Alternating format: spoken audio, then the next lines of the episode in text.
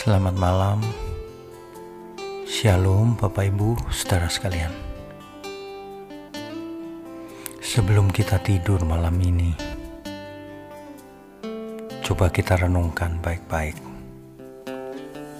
Apa sih sebabnya? Ada banyak orang tidak bisa berubah atau lebih tepatnya tidak mau berubah. Ya memang di mulut mengaku bertobat, tetapi tidak ada perubahan yang signifikan dalam hidupnya. Apa sebabnya, saudara? Ini menjadi pertanyaan bagi kita semua. Mengapa manusia sulit berubah? Alkitab mendukung akan hal itu. Karena iman timbul dari pendengaran, pendengaran akan firman Allah, firman Tuhan. Jadi, bukan hanya mendengar satu atau dua ayat lalu bisa timbul iman. Pasti butuh banyak sekali ayat. Bahkan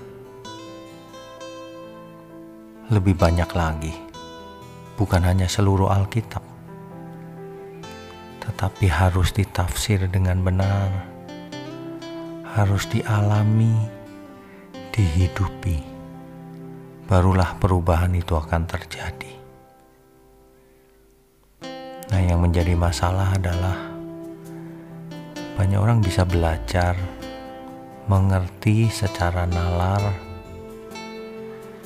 tetapi tidak berubah juga. Mengapa?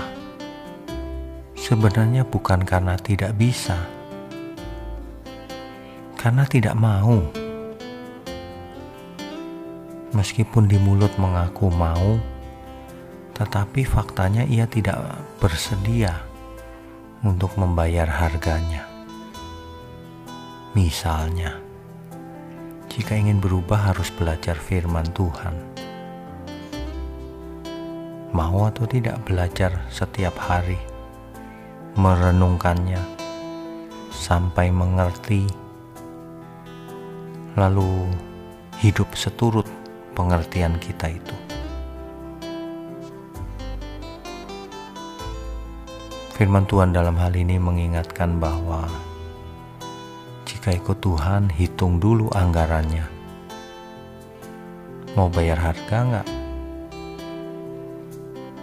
Itulah sebabnya Tuhan berkata, "Jika seseorang tidak melepaskan diri dari segala miliknya, ia tak dapat jadi muridku." Demikian kata Tuhan.